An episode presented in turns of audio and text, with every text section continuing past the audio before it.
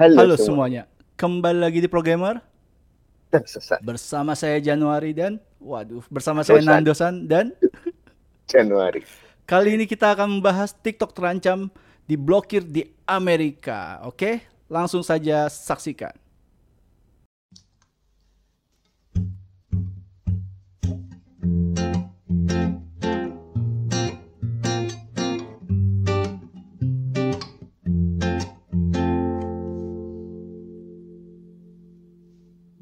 Posisi TikTok di Amerika Serikat semakin tersudut dan terancam diblokir sepenuhnya.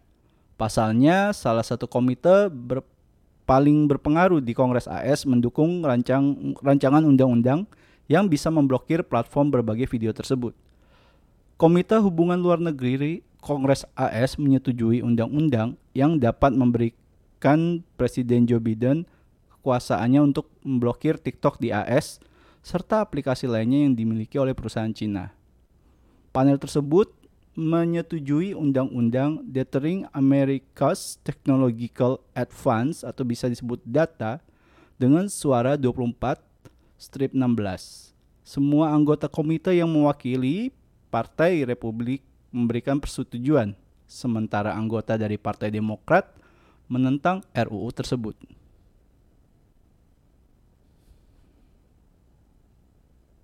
Jika TikTok dan aplikasi lainnya ketahuan membagikan data pengguna dengan individu yang terkait dengan pemerintah Cina, maka aplikasi itu akan diblokir. Jika data itu digunakan untuk mengawasi, meretas, atau menyensor pengguna, pemerintah AS bisa menyatukan sanksi tambahan. TikTok adalah ancaman bagi keamanan nasional. Dan waktunya untuk bertindak, kata Michael McCall, anggota Kongres AS dari Partai Republik yang mengepalai komite tersebut, seperti dikutip dari Reuters tanggal, tanggal 3 Maret 2023. Siapa pun yang sudah mengunduh TikTok di perangkatnya telah memberikan backdoor kepada PKC atau Partai Komunis Cina terhadap semua informasi pribadi mereka. Itu adalah balon mata-mata di dalam ponsel mereka. Imbuh Mikal dalam uh, kasus balon mata-mata Cina yang muncul di Amerika Serikat. Partai Demokrat AS menentang RUU tersebut karena dianggap bisa mempengaruhi bisnis negara sekutu seperti Eropa dan Taiwan. RUU ini juga disebut terburu-buru dan membutuhkan konsultasi dengan para ahli. TikTok tentu saja mengecam RUU ini. Dalam postingannya di Twitter, platform milik ByteDance itu mengaku kecewa melihat regulasi ini diloloskan secara terburu-buru. Pemblokiran TikTok di AS adalah pemblokiran terhadap ekspor budaya dan nilai Amerika ke miliaran orang yang menggunakan layanan kami di seluruh dunia. Kata TikTok dalam keterangan resminya.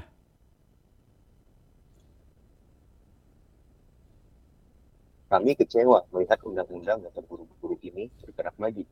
Meskipun dampak negatifnya cukup besar terhadap kebebasan berbicara jutaan orang Amerika yang menggunakan dan menyukai TikTok, sambungnya.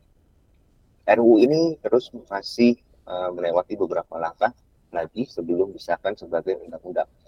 Kongres dan Senat AS harus mengesahkannya dan setelah itu Presiden Biden harus menandatangani RUU tersebut pemerintah AS sendiri sudah mulai memblokir TikTok di perangkat milik negara. Beberapa negara bagian AS, Kanada, Uni Eropa juga melarang karyawannya untuk menginstal TikTok di perangkat milik negara. Nah, itu berita pertama kita. Eh, kita lanjut berita kedua atau gimana nih, Jan? Lanjut, lanjut. Lanjut ya. Kita lanjut ke berita kedua. Ini dia. Nah, berita kedua, sidang CEO TikTok di Kongres AS berlangsung 5 jam, soroti bahayanya untuk kesehatan mental anak-anak. Kepala eksekutif TikTok, sorry nih kalau misalnya pronunciation-nya uh, agak salah tolong dikoreksi ya. Kepala eksekutif TikTok, Souzi Chu, terpaksa menjelaskan hubungan perusahaannya dengan Cina, serta perlindungan bagi pengguna muda TikTok di depan sidang Kongres bersama Komite DPR untuk Energi dan Perdagangan AS yang berlangsung kontroversial pada Kamis 23 Maret 2022. Sidang tersebut dilaksanakan di tengah gencarnya upaya bipartisan untuk melarang pengguna TikTok di Amerika Serikat karena alasan keamanan nasional. Dikutip dari The Guardian pada Jumat 24 Maret 2023, sidang tersebut merupakan penampilan pertama kepala eksekutif TikTok di depan legislator AS. Dan penampilan publik yang jarang dilakukan oleh Chu. Ia telah lama menjadi sosok yang jarang muncul di depan umum meski popularitas TikTok terus meningkat. Saat ini TikTok memiliki puluhan juta pengguna di AS, tetapi para legislator telah lama mengkhawatirkan dampak platform ini terhadap kesehatan mental, terutama bagi pengguna anak dan remajanya. Anggota Kongres dari Partai Republik Gus Billy Rakis membagikan kisah Casenaska, seorang anak laki-laki berusia 16 tahun yang bunuh diri setahun yang lalu dengan melompat ke rel kereta api. Orang tua Naska yang telah menggugat ByteDance, usaha induk TikTok, hadir dalam sidang tersebut dan terlihat emosional ketika Billy Rakis menceritakan kisah putra mereka. Ia mengklaim bahwa Kese terpengaruh konten melukai diri sendiri di TikTok. Mr. Chu, perusahaan Anda menghancurkan kehidupan mereka. Ungkap Billy Rakis anggota Kongres Wanita Nanet Baragan juga bertanya kepada Chu mengenai adanya laporan bahwa ia tidak membiarkan anak-anak sendiri menggunakan aplikasi tersebut. Pada usia berapa menurut Anda layak bagi seorang anak muda untuk menggunakan TikTok? Tanyanya. Chu mengkonfirmasi bahwa anak-anaknya tidak menggunakan aplikasi TikTok. Tapi ia berdalih itu karena di Singapura, tempat mereka tinggal, tidak ada versi TikTok untuk pengguna di bawah usia 13 tahun. Konten dianggap tidak ramah anak. TikTok telah melawan perlawanan legislatif sejak popularitasnya yang mengejutkan sejak 2018. Saat ini 67% remaja berusia 13 hingga 17 tahun di AS mengatakan mereka menggunakan aplikasi tersebut dan 16% mengatakan mereka menggunakannya hampir terus-menerus, menurut Pew Research Center. Hal ini menimbulkan sejumlah kekhawatiran tentang dampak aplikasi ini pada keselamatan pengguna muda. Dengan konten terkait melukai diri sendiri dan gangguan makan banyak tersebar di dalam platform ini. TikTok juga menghadapi gugatan atas tantangan mematikan yang telah menjadi viral di aplikasi ini. Misalnya, Blackout Challenge dan choking challenge yang menghasut penggunanya untuk menahan nafas sampai pingsan.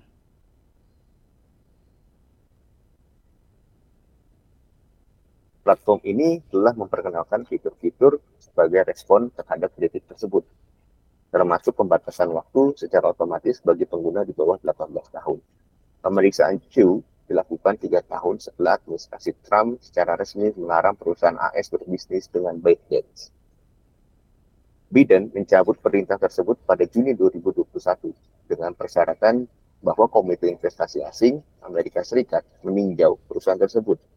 Ketika tinjauan itu terhambat, Biden menuntut TikTok untuk menjual saham-sahamnya yang dimiliki oleh China atau ia akan diblokir di Amerika Serikat. TikTok harus menjual sahamnya ke AS jika tidak mau diblokir. Anggota parlemen juga mempertanyakan Chu, seorang mantan bankir Goldman Sachs yang telah memimpin perusahaan sejak Maret 2021 mengenai adanya kontrol pemerintah Cina atas aplikasi tersebut. Chu menjawab, izinkan saya menyatakan dengan tegas, ByteDance bukan agen dari Cina atau negara lain. Pertanyaan dilayangkan oleh anggota komite yang menanyakan hubungan Chu dengan eksekutif perusahaan induk TikTok ByteDance. Ia dikatakan oleh para anggota parlemen memiliki hubungan dengan Partai Komunis Cina. Anggota komite mempertanyakan seberapa sering Chu berhubungan dengan mereka dan mempertanyakan apakah solusi yang diusulkan perusahaan untuk masalah keamanan data Amerika Serikat akan memberikan perlindungan yang cukup dari hukum Cina yang meminta TikTok membuat data para penggunanya dapat diakses oleh pemerintah. Klaim Chu tentang tidak adanya hubungan TikTok dengan pemerintah Cina dipatahkan oleh sebuah berita Wall Street Journal yang diterbitkan hanya beberapa jam sebelum sidang. Laporan itu mengatakan bahwa Cina akan sangat menentang penjualan paksa perusahaan. Menanggapi ancaman Joe Biden tentang pelarangan berskala nasional kecuali ByteDance menjual sahamnya, Kementerian Perdagangan Cina mengatakan bahwa tindakan tersebut akan melibatkan ekspor teknologi dari Cina dan karenanya perlu mendapat persetujuan pemerintah Cina. Bantah terkait dengan pemerintah Cina. Sozi Chu yang tersembunyi selama dua tahun terakhir ini menghabiskan sebagian besar waktu dalam sidang yang berlangsung selama lima jam ini untuk menekankan bahwa TikTok, TikTok tidak terkait dengan pemerintah Cina. Ia menekankan bahwa ia warga asli Singapura. Tony Cardenas, seorang demokrat dari California, bahkan bertanya langsung kepada Chu, apakah TikTok adalah perusahaan Cina? Chu menjawab bahwa TikTok bersifat global tidak tersedia di daratan Cina dan bermarkas di Singapura dan Los Angeles.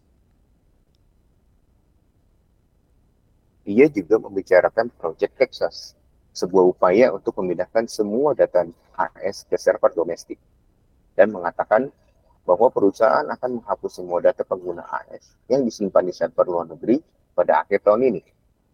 Namun, beberapa anggota legislatif skeptis terhadap Project Texas karena dianggap terlalu besar dan tidak akan menangani masalah privasi data AS dengan cukup cepat. Saya khawatir bahwa apa yang Anda usulkan dengan Project Texas tidak memiliki kemampuan teknis untuk memberikan jaminan yang kami butuhkan, kata Jay Oberno, seorang insinyur perangkat lunak Republikan California. Nah, ya itulah artikelnya. Kita langsung reak aja ya Jan ya. Oke. Okay?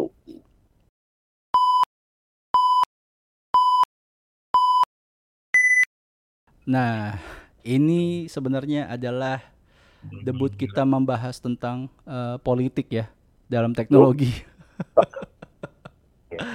Jarang-jarang nih. Jadi ini awalnya sebenarnya Jan ya, gue pengen ngebahas tentang si uh, eh, AI-nya Google uh, yang bernama Bart gitu. Terus terus, kok ada kayak echo ya? Bentar bentar.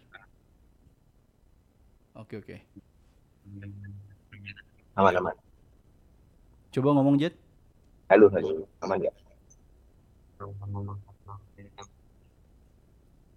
Aman. Oke, oke. Mungkin gue... Iya, iya. Lanjut, lanjut ya. Jadi awalnya kita mau bahas uh, eh, AI yang Google gitu, tapi uh, pas lagi baca-baca, terus gue lihat TikTok, wah, si Chu lagi di sidang si siapa tadi? Ya itunya TikTok ya. Petinggi TikTok itu lagi di sidang sama Kongres AS gitu loh Jan. Nah sidang kan gue lihat pertanyaannya. Terus ada salah satu pertanyaan yang paling agak ini mohon maaf ya kalau ada yang ini ya Kongres Kongres AS yang nonton kita ya. Gue lupa namanya tapi pertanyaan gini Jan. Uh, saat kita membuka TikTok gitu apakah uh, apakah terhubung dengan WiFi? Gitu. Apakah kita waduh maksud gua kan main TikTok kan butuh internet gitu kan gitu Jan. Itu pertanyaan gua. Terus di, di kayak diklarifikasi gitu. Uh, maksudnya gimana? Iya. Apakah kita buka TikTok uh, TikTok tahu wifi nama wifi kita apa? Waduh. Kayaknya udah waktu lucu banget Jan. Agak terlalu jauh. Ini correct me if I'm wrong ya. Nanti kalian bisa koreksi kalau misalnya kita ada yang salah gitu. Sama-sama koreksi aja. Tolong. Nanti kalian bisa taruh di uh, kolom komentar gitu.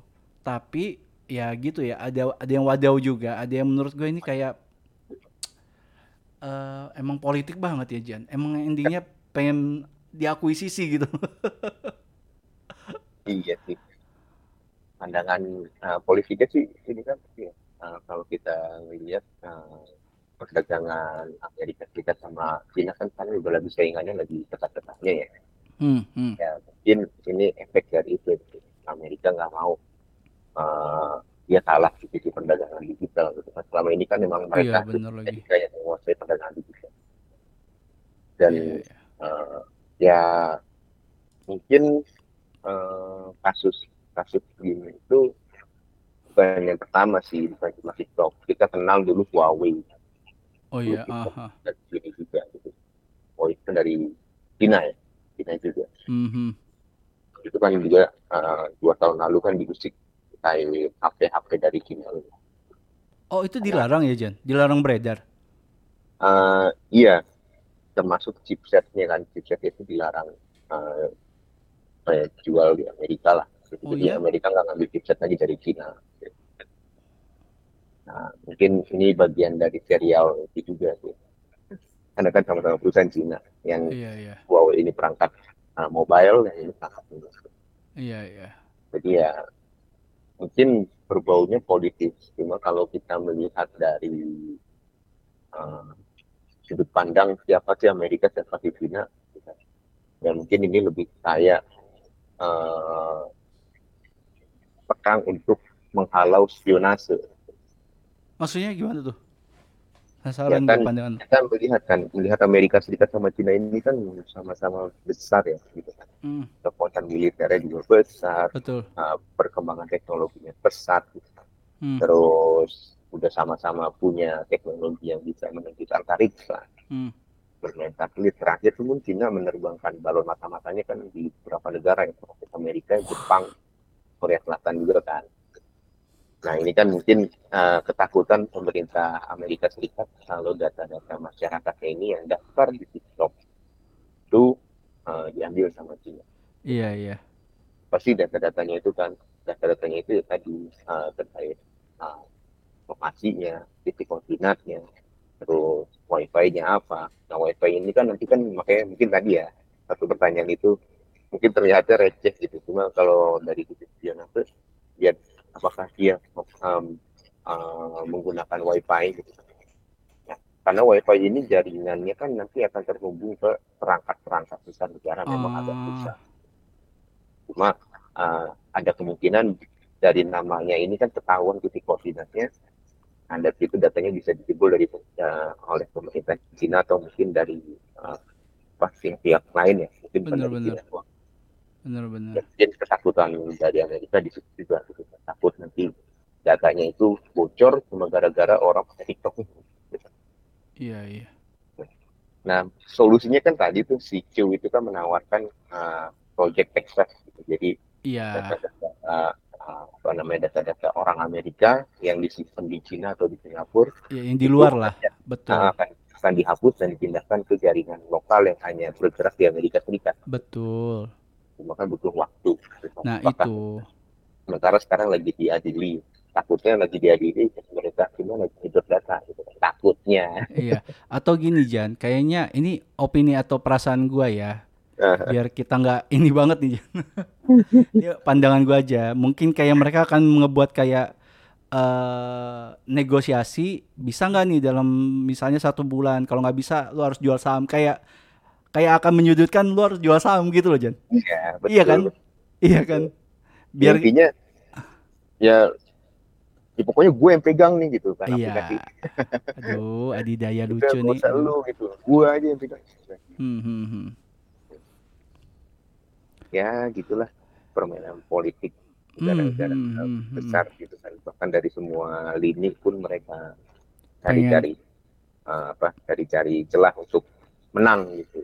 Benar-benar dengan eh oke lah gue juga agak gue sebenarnya agak setuju juga yang masalah ada yang beberapa konten tidak ramah anak kayak blackout challenge dan choking challenge ini Jan yang akhirnya kayak meninggal itu ya Jan ya. Nih turut berduka cita untuk keluarganya juga gitu. Gue juga tidak mau mengglorifikasi untuk hal ini gitu. Tapi eh sebenarnya kalau udah konten kayak gini gitu ya harusnya emang orang tua juga mendampingi gitu loh Jan menurut gue ya Jan ya atau gimana nih Jan?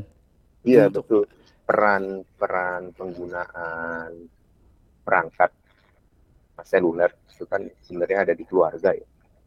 Jadi memang tameng atau beteng pertamanya itu ya dari keluarga. Heeh, heeh. Kita juga harus paham harus peka gitu. Nah, terkait apa-apa aja yang dibuka sama anaknya gitu. Hmm, hmm, hmm, hmm. Apalagi kan eh, tadi bagus sih Singapura itu kan Melar- berjalan Melarang ya? Apa ya uh, Jan? undang-undang dan sistem kalau anak di bawah 13 tahun itu nggak boleh atau mungkin dia nyari TikTok pun nggak bisa di mana-mana mau Hmm. pakai dia dia mau pakai jaringannya Singapura atau pakai VPN dia di bawah 13 tahun ya nggak bisa gitu. Hmm, Itu hmm, keren hmm. sih Itu keren. gua. pencegahan ini gitu. Iya, harus ada proteksi yang lebih ketat ya untuk hal itu ya Jan ya. Ya. Nah, bedanya Singapura dengan Barat adalah Singapura ini ya walaupun dia hidupnya atau gaya hidupnya ke barat-baratan, Mm, cuma Singapura ini kan eh, ada di wilayah timur dunia. Jadi Iya tetap betul, ada betul. ketimurannya gitu. Iya, Jadi orang tua lah yang menjadi benteng utama untuk anak-anaknya. Bedalah dengan Barat yang memang mungkin umur udah 10 tahun lebih ya udah dibebasin aja. Gitu. Gak peduli gitu loh anaknya mau kayak gimana. Intinya harus mandiri.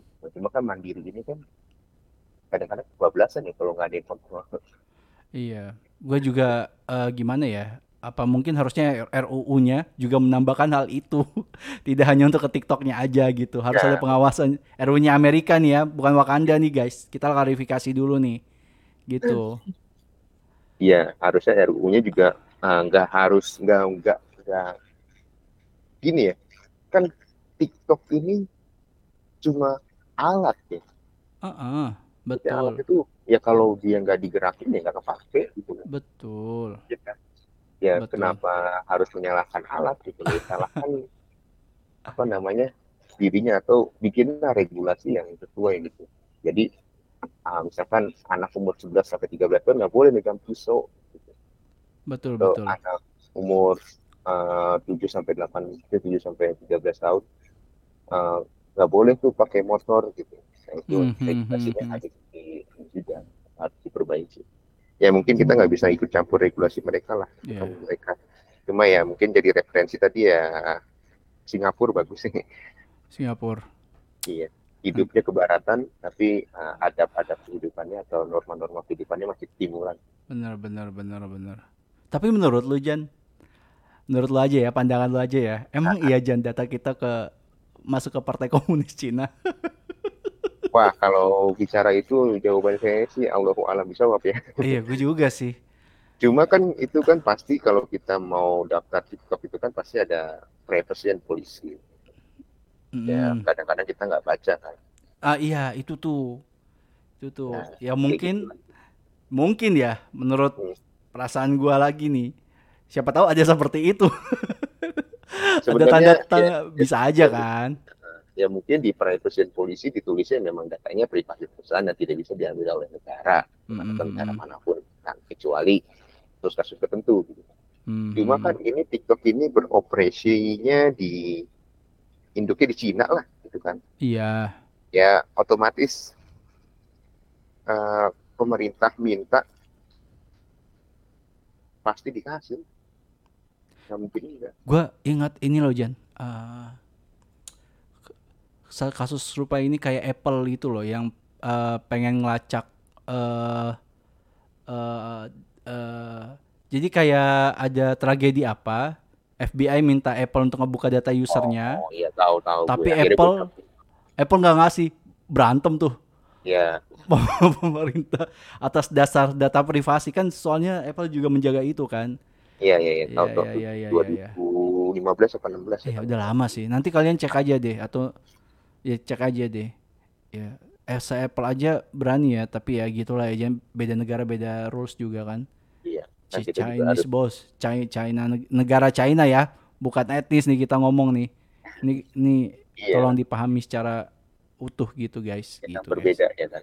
Ah, ah, negaranya berbeda ya sistem pemerintahannya berbeda. Ya iya pasti juga beda dong ya itu yang ditakutkan si Amrik ini aja nih ya?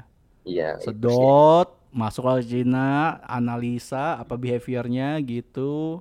Oh ternyata begini begini begini. Emang emang data mahal guys. Makanya kalian persiapkan diri jadi data scientist. Wah jadi ke situ kita Jadi promosi yang jadi promosi kita harusnya ada nih.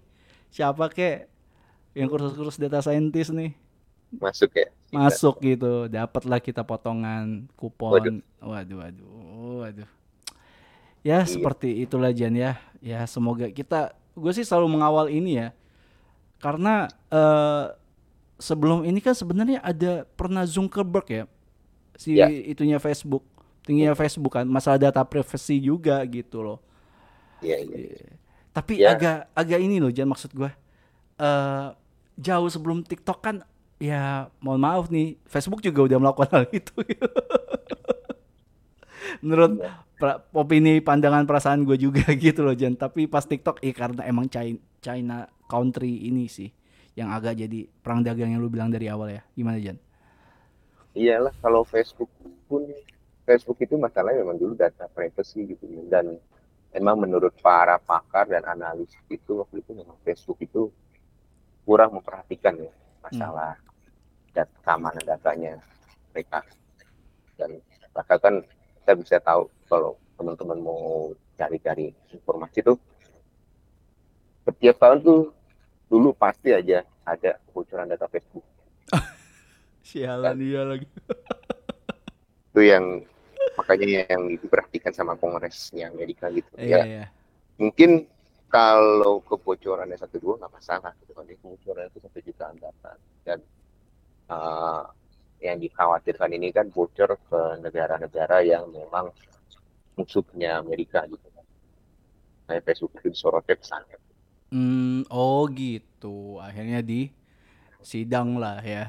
Hal seperti itu gitu. Hmm, oke oke.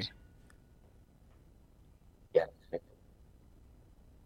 Nah, yang menariknya Jan, jadi eh berapa jam sebelum dia si Chow si Chu ini di sidang kongres, dia ngebuat di konten TikTok officialnya gitu, ngasih tahu eh halo, saya sudah di Amerika, bentar lagi saya akan di sidang. Tapi saya mau ngasih tahu eh udah jutaan orang di Amerika gitu market eh, TikTok ini eh, dan apalagi untuk bisnis terutama eh, kayak UKM UKM gitu loh memakai ini gitu ya. Jadi saya harap dengan adanya sidang ini bisa memperbaiki TikTok jadi lebih baik lagi gitu. Gitu Jan. Kayak satu sisi oh ya ya ya ya. Oke juga promosinya. Lebih kayak buat menenangkan. Iya kayaknya menenangkan aja, tenang kok, tenang kok. Nggak eh, nggak akan ada eh, ini eh, perang apalah gitu lah, tenang aja. Gua bisa ngejawab memastikan untuk ini demi kebaikan ki- kita semua gitu lah ya. Iya ya, suka gua. Diplomasinya ini ya. Ya, Tapi jam pas sidang tadi gua lihat eh, di TikTok tuh, uh gila. Itu sinisnya pasti luar lah. biasa pak. Ngomongnya tuh zuk, uh, zuk, terus santai aja. Untuk si Cu ini kayak ah ya ya ya ah ya ya dia sih bla bla bla bla bla. Santai aja nggak nggak nggak kemakan emosinya ya. Ya gitulah Jan. Duh gua nggak bayang kalau jadi Cu gimana. Waduh. Harus tenang. Gebrak-gebrak meja kali gua. Dari Waduh. mana duitnya? Waduh waduh kayak kenal tuh eh. Ah, enggak. Bukan itu kan di Wakanda. Gitu. Ya paling itu aja kali aja ya. Semoga aman-aman aja kali aja ya. Harusnya lah. Harusnya aman. Ya ini kan juga demi kebaikan TikTok juga ya. Ya kalau emang Ya. akhirnya akhirnya harus jual saham ya udahlah. Ikutin aja ya apa namanya ya keputusan-keputusan yang ada di Amerika itu biasanya uh, berpengaruh ke seluruh dunia. Mungkin Oke. nanti akan berpengaruh juga ke Indonesia. Waduh. Jadi Indonesia mungkin nanti menuntut untuk apa namanya bikin server TikTok ya di Indonesia. Jangan di China kan? TikTok tuh ini sorry tuh saya gue emang nggak tahu Jan TikTok tuh udah itu lulus PSE belum sih Jan udah lah udah ya? lah. oh yang Kalau- kemarin itu ya iya iya iya, iya. cuma kan nggak tahu blokirnya beneran apa enggak eh Eh, enggak. Eh, emang Januari lagi pusing eh, darah tinggi ya. Maaf ya guys, agak ngaco ya. Ya gitulah ya. Eh, paling gitu aja kali ya Jan. Ya, gue sih berharap semoga dapat apa win-win solution ya. Ketemu di tengah. Jangan ada satu pemaksaan harus ngotot banget begini atau enggak yang bagian sana ngotot banget begitu gitu. Jadi kayak nggak nggak ini bisnisnya nanti kayak berat gitu ngejalaninya gitu kan. yang regulasi mulu ya kan Waduh. ya udahlah sampai sini ya guys ya. Agak uh, panas juga kalau kita bahas regulasi-regulasi ini ya, terutama Amerika emang lagi lumayan sentimental ya. iya Mungkin itu aja ya sampai sini dulu ya. Kalau kalian misalnya mau request uh, konten apa lagi yang kita bahas seperti itu, kalian bisa taruh di kolom komentar atau DM Januari atau DM uh, Instagram programmer tersesat. Kita juga ada TikTok gitu yang belum terlalu aktif lagi. Karena Mana sih? Januari sibuk implan im- implan rambut di Turki. Ya udah itu aja ya guys ya. Ini udah malam nih kita jam satu pagi loh Wah, gila. iya nih. sahur nih. Eh, Oh, sahur. sorry guys, eh sahur deh Jan. Jadi menghambat sahur nih. Ya udahlah kita tutup aja. Eh, jangan lupa like, jangan lupa share, jangan lupa subscribe. Kalau kalian mau support kita lewat donasi melalui Saweria linknya ada di bawah. Oke, sampai ketemu di konten berikutnya ya. Bye bye. Bye.